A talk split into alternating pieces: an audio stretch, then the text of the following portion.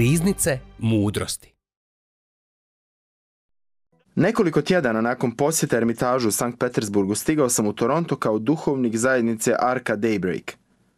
Iako sam potrošio cijelu godinu da izaberem svoj poziv i prosudim da li me Bog pozvao na život s mentalno prikraćenim osobama, još sam uvijek bio vrlo zabrinut i strepio sam. Hoću li biti sposoban odgovoriti na taj poziv?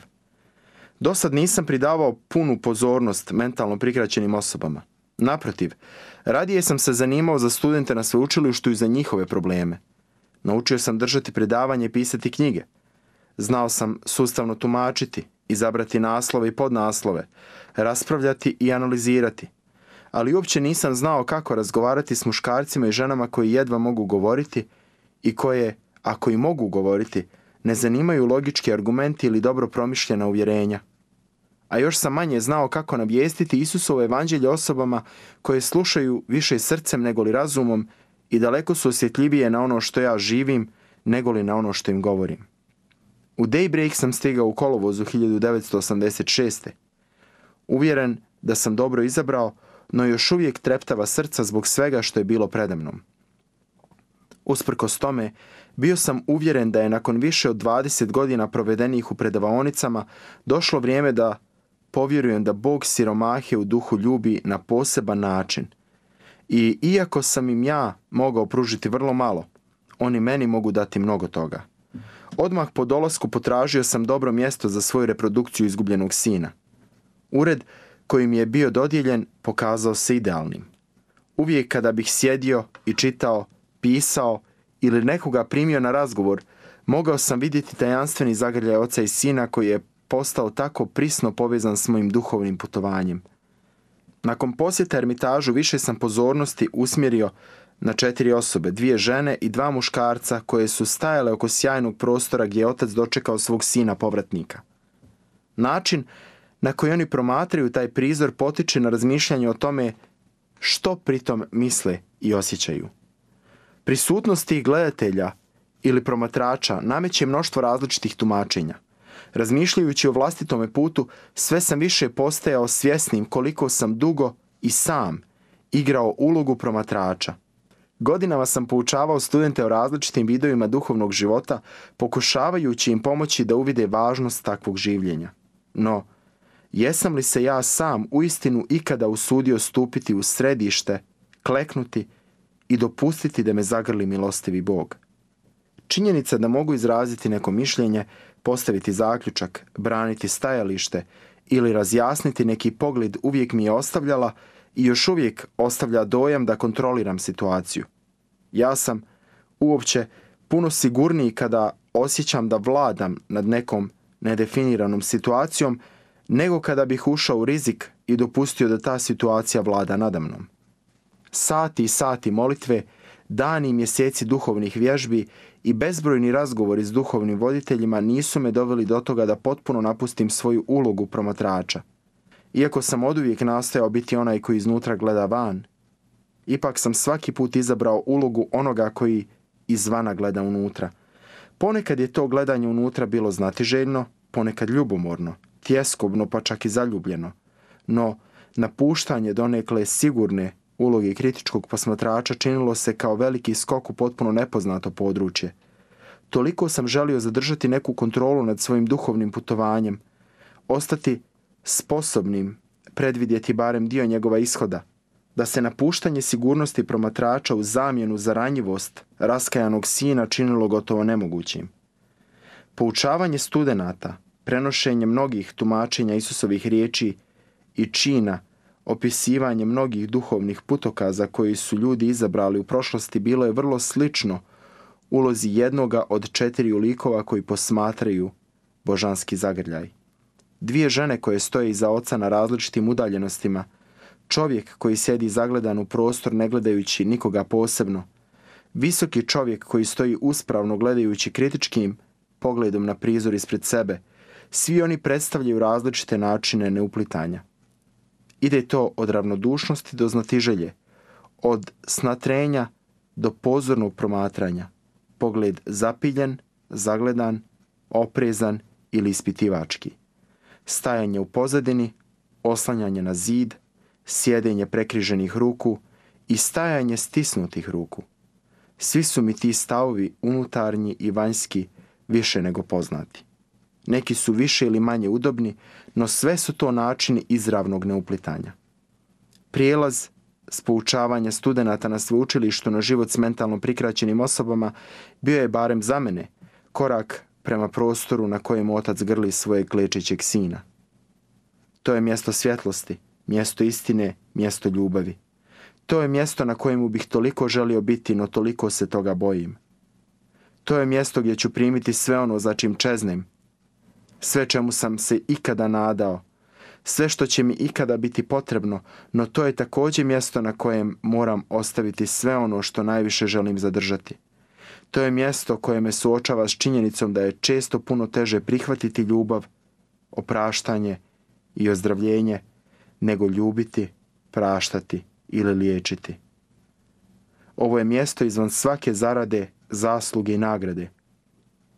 To je mjesto predanja, i potpunog povjerenja. Tek što sam došao u Daybreak, zagrlila me Linda, lijepa mlada žena s Downovim sindromom i rekla, dobrodošao. Ona tako prima svaku novodošlu osobu i svaki put to čini s ljubavlju i iskrenim uvjerenjem. Ali kako prihvatiti takav zagrljaj? Linda me nikada nije vidjela. Ona uopće nije znala što sam proživljavao prije dolaska u Daybreak.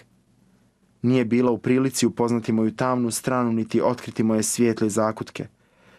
Nije pročitala ni jednu moju knjigu niti slušala moja predavanja, nije čak nikada razgovarala sa mnom. Jesam li se dakle trebao samo nasmiješiti, reći joj da je zgodna ili produžiti dalje kao da se ništa nije dogodilo? Ili je Linda možda stajala na nekom podiju i svojim mječinom zapravo govorila Dođi, ne moraš se stidjeti, tvoj te otac također želi zagrliti. Izgleda da svaki put, bilo da je riječ o Lindinom dočeku, bilo u stisku ruke, Đorđijevu smiješku, Adamovoj šutnji ili Raymondovim riječima, moram odlučiti hoću li objašnjavati njihove geste ili ih jednostavno prihvatiti kao pozive da dođem više i bliže. Te godine u Daybreaku nisu bile lagane. Bilo je unutarnje borbe, bilo je mentalne i emocionalne i duhovne boli. Ništa, baš ništa od toga nije umanjilo značenje mojega dolaska. Ipak, prijelaz Harvarda u Arku bio je tek mali korak od promatrača do sudionika, od suca do skrušenog grešnika, od učitelja o ljubavi do onoga koji je voljen kao draga osoba. Nisam ni slutio koliko će taj prijelaz biti težak, nisam uviđao koliko je duboko ukorijenjen moj otpor i kako će biti mučno doći k sebi, pasti na koljena i pustiti suze da slobodno teku. Nisam bio svjestan koliko će biti teško doista postati dijelom velikoga događaja koji Rembrandtova slika zorno prikazuje. Svaki mali korak prema središtu predstavljao je nemoguć zahtjev.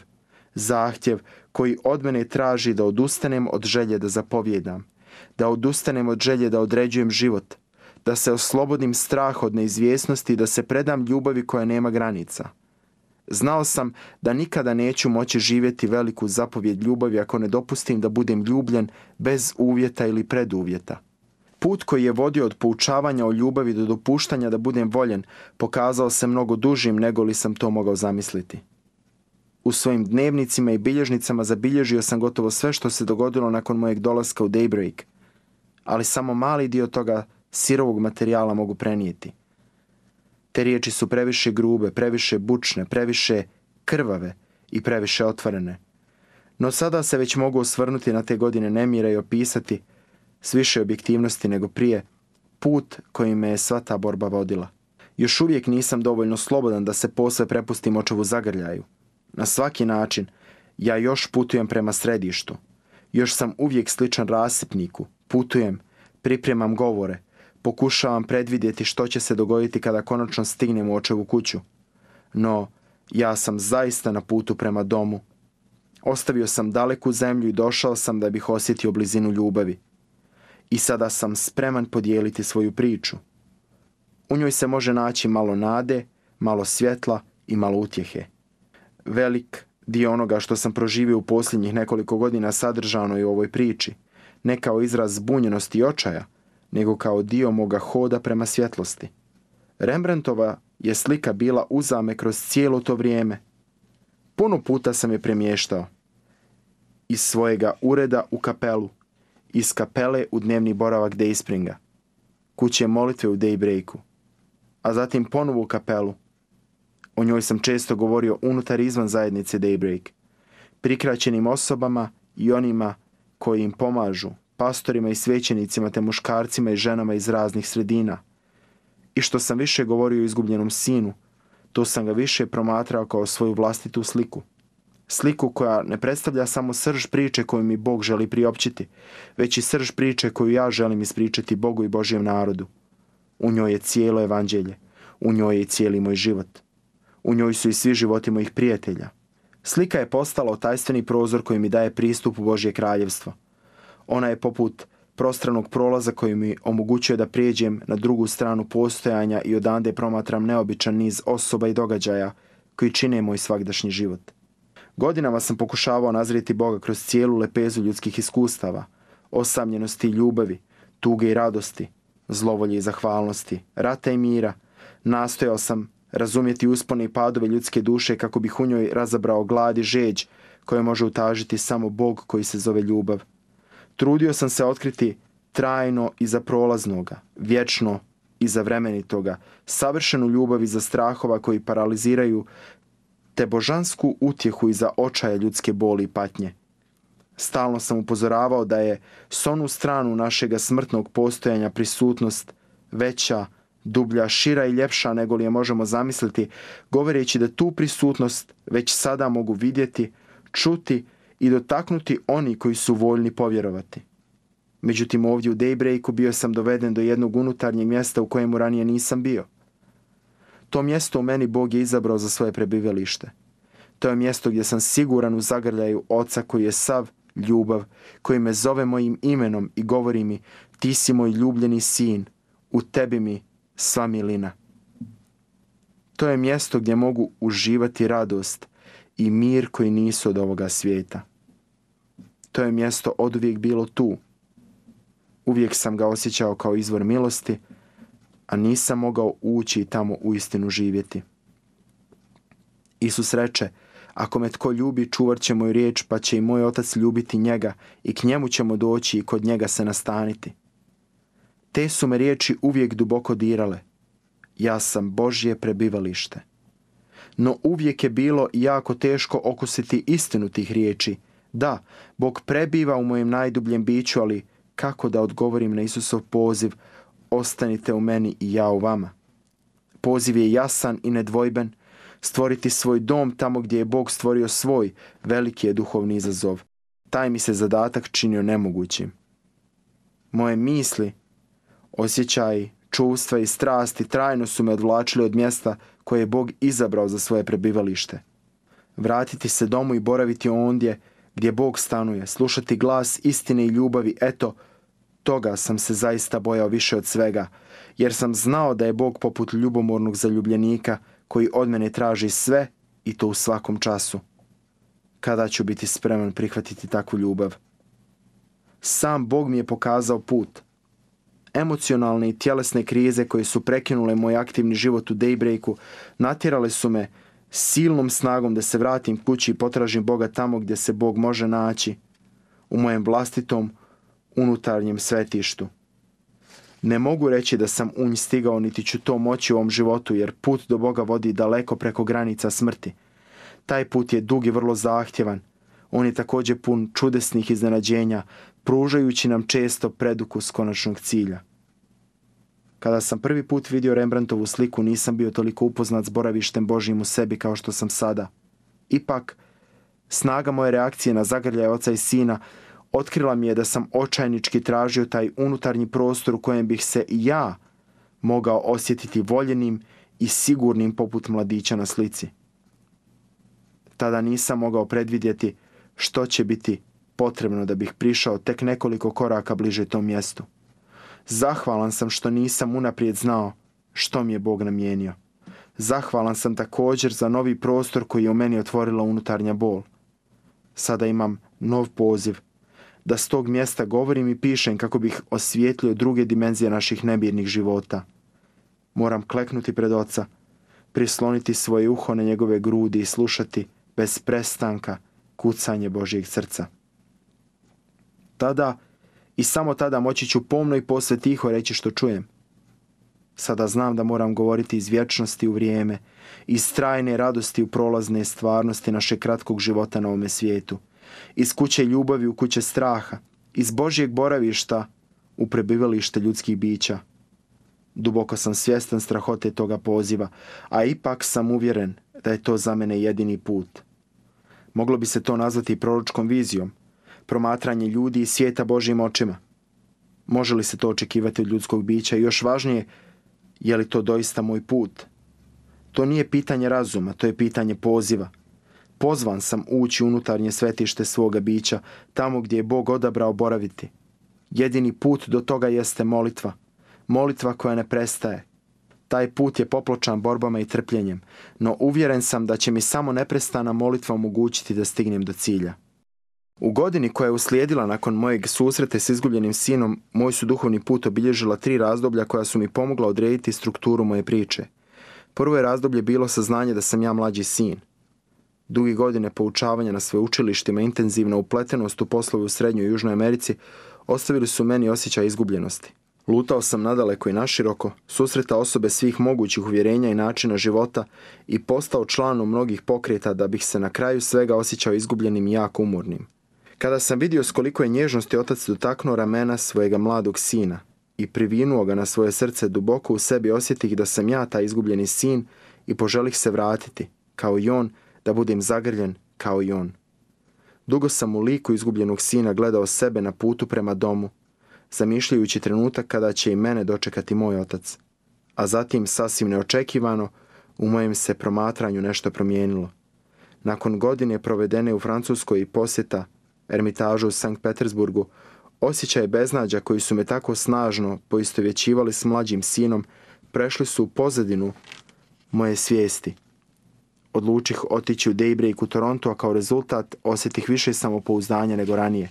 Drugo razdoblje mojega duhovnog puta započelo je kada sam jedne večeri o Rembrandtovoj slici govorio Bartu Gavganu, prijatelju iz Engleske koji me je dobro upoznao u proteklih godinu dana – i dok sam utomačio koliko se snažno mogu poistovjetiti s mlađim sinom, on me prodorno pogleda i reče mi, pitam se, nisi li ti više sličan starijem sinu? Tim je riječima u meni otvorio novi prostor. Iskreno govoreći, nikada se nisam zamišljao u liku starijih sina, ali od kad me je Bart suočio s tom mogućnošću, bezbrojne misli počele su juriti mojom glavom – Krenuvši od temeljne činjenice da sam doista bio najstarije dijete u svojoj obitelji, uvidio sam da sam živio uglavnom poslušnim životom. Već od svoje šeste godine htio sam postati svećenikom i nikada nisam promijenio mišljenje. Rodio sam se, krstio sam se, krizmao sam se i zaredio u istoj crkvi i uvijek sam slušao svoje roditelje, profesore, biskupe i svojega Boga. Nikada nisam pobjegao od kuće. Nikada rasipao svoje vrijeme i novac na putene težnje, Nikada se nisam izgubio u razvratu i pijančenju. Cijelog sam života bio vrlo savjestan, vjeran, tradiciji, jako vezan uz kuću. No za sve to možda sam i ja zapravo bio izgubljen poput mlađeg sina. Odjednom sam se vidio u potpuno novom svjetlu. Vidio sam svoju ljubomoru, svoju srđbu, svoju osvetoljubivost, tvrdokornost i mrzovolju, a najviše od svega svoju potajnu samobesprijekornost. Vidio sam koliko sam prigovarao i koliko je u mojem mišljenju i osjećanju bilo zlovolje. Neko vrijeme nisam mogao razumjeti kako sam se ikada mogao osjećati kao mlađi sin. Ja sam, bez ikakve sumnje, bio stariji sin, ali jednako tako izgubljen kao njegov mlađi brat, iako sam čitav svoj život proveo doma. Marljivo sam radio na očevu gospodarstvu, ali nikada nisam u potpunosti osjetio radost što sam kod kuće – Umjesto da budem zahvalan za sve povlastice koje sam uživao, postao sam vrlo mrzovoljen. Ljubomoran na mlađu braću i sestre koji su se izlagali tolikim opasnostima, a bili su tako toplo dočekivani. Oštrumna Bartova primjedba upravljala je i mojim unutarnjim životom tijekom godine i pol provedene u Daybreaku. Dogodilo se još nešto.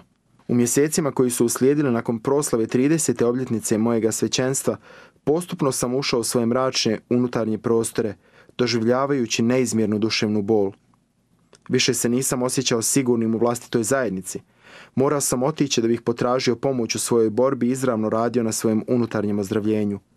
Jedine knjige koje sam ponio sa sobom bile su one o Rembrandtu i o u izgubljenom sinu. Živeći na prilično osamljenom mjestu, daleko od prijatelja i zajednice, Osjetio sam veliku utjehu čitajući o mukotrpnom životu velikog nizozemskog slikara i saznavši više o njegovom tjeskobnom putu koji ga je konačno sposobio da naslika to veličanstveno djelo. Satima sam promatrao sjajne crteže i platna koje je stvarao usred svojih neuspjeha, razočarenja i boli i uspio sam shvatiti kako je iz njegovog kista nastao lik jednog gotovo slijepog starca koji je obujmio svojeg sina gestom samilosti koja sve oprašta. Umjetnik je morao doživjeti mnoge smrti i proliti mnogo suza da bi uspio naslikati portret Boga u takvoj poniznosti. Upravo u tom razdoblju neizmjernog unutarnjeg trpljenja moja je prijateljica izrekla riječ koju sam najviše želio čuti i otvorila treće razdoblje mojega duhovnog puta. Sue Mostalar, koja je od ranih 70-ih bila u Daybreaku i imala važnu ulogu u mojem dolasku u Arku, Dala mi je nužnu potporu kada je moje stanje postalo vrlo teško, ohrabrujući me da izdržim sva potrebna trpljenja kako bih dosegnuo istinsku unutarnju slobodu. Kada me je posjetila u mojemu ermitažu i razgovarala sa mnom o izgubljenom sinu, rekla je bilo da si mlađi sin ili stariji sin, ti moraš shvatiti da si pozvan da postaneš otac. Njezine su me riječi pogodile poput groma, jer sam svih ovih godina živio sa slikom i promatrao starca koji grli svojega sina, a nikada mi nije palo na pamet da je upravo otac onaj koji najpotpunije izražava moj životni poziv. Su mi nije dala priliku da se pobunim. Čitavog si života tražio prijatelje. Od kada te poznajem, čezneš za ljubavlju. Zanimao si se za tisuću stvari, na svim si stranama molio za pozornost, uvažavanje i potvrđivanje. Došlo je vrijeme koje zahtjeva tvoj pravi poziv – da budeš otac koji može primiti svoju djecu u dom ne postavljajući im nikakva pitanja i ne očekujući od njih ništa za uzvrat. Pogledaj oca na svojoj slici i znaćeš na što si pozvan. Mi u Daybreaku i mnogi ljudi oko tebe ne trebamo tebe kao dobra prijatelja ili brata. Nama treba otac koji može primiti na sebe snagu pravog milosrđa. Promatrajući starca duge brade, stavno crvenim plaštem, osjetih duboki otpor prema takvom mišljenju o sebi – bio sam posve spreman poistovjetiti se s rastrošnim mladim sinom ili sa zlovoljnim starijim sinom, ali pomisao da budem poput starca koji nije imao što izgubiti jer je izgubio sve i koji je mogao tek davati, ispunila me strahom. Pa ipak Rembrandt je umro u dobi od 63 godine i ja sam puno bliže toj dobi nego li dobi bilo kojega od dvojice sinova. Rembrandt je bio voljen staviti se na mjesto oca, zašto ne bih i ja. Prošla je godina i pol od izazova su, tada sam počeo tražiti svoje duhovno očinstvo.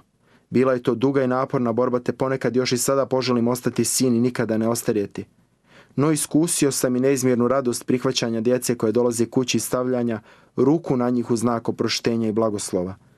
Tako sam u malome spoznao što znači biti otac koji ne postavlja pitanja, već samo prima svoju djecu u dom. Sve ono što sam proživio od prvog susreta s Rembrandtovom reprodukcijom dalo mi je ne samo nadahnuće da napišem u knjigu, nego je također nagovijestilo i njenu strukturu.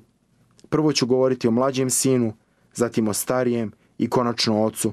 Jer ja sam doista mlađi sin, ja sam i stariji sin, ja sam i na putu da postanem otac.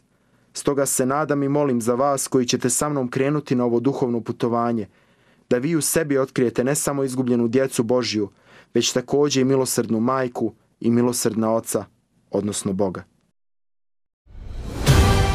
Hvala vam što ste slušali današnju emisiju.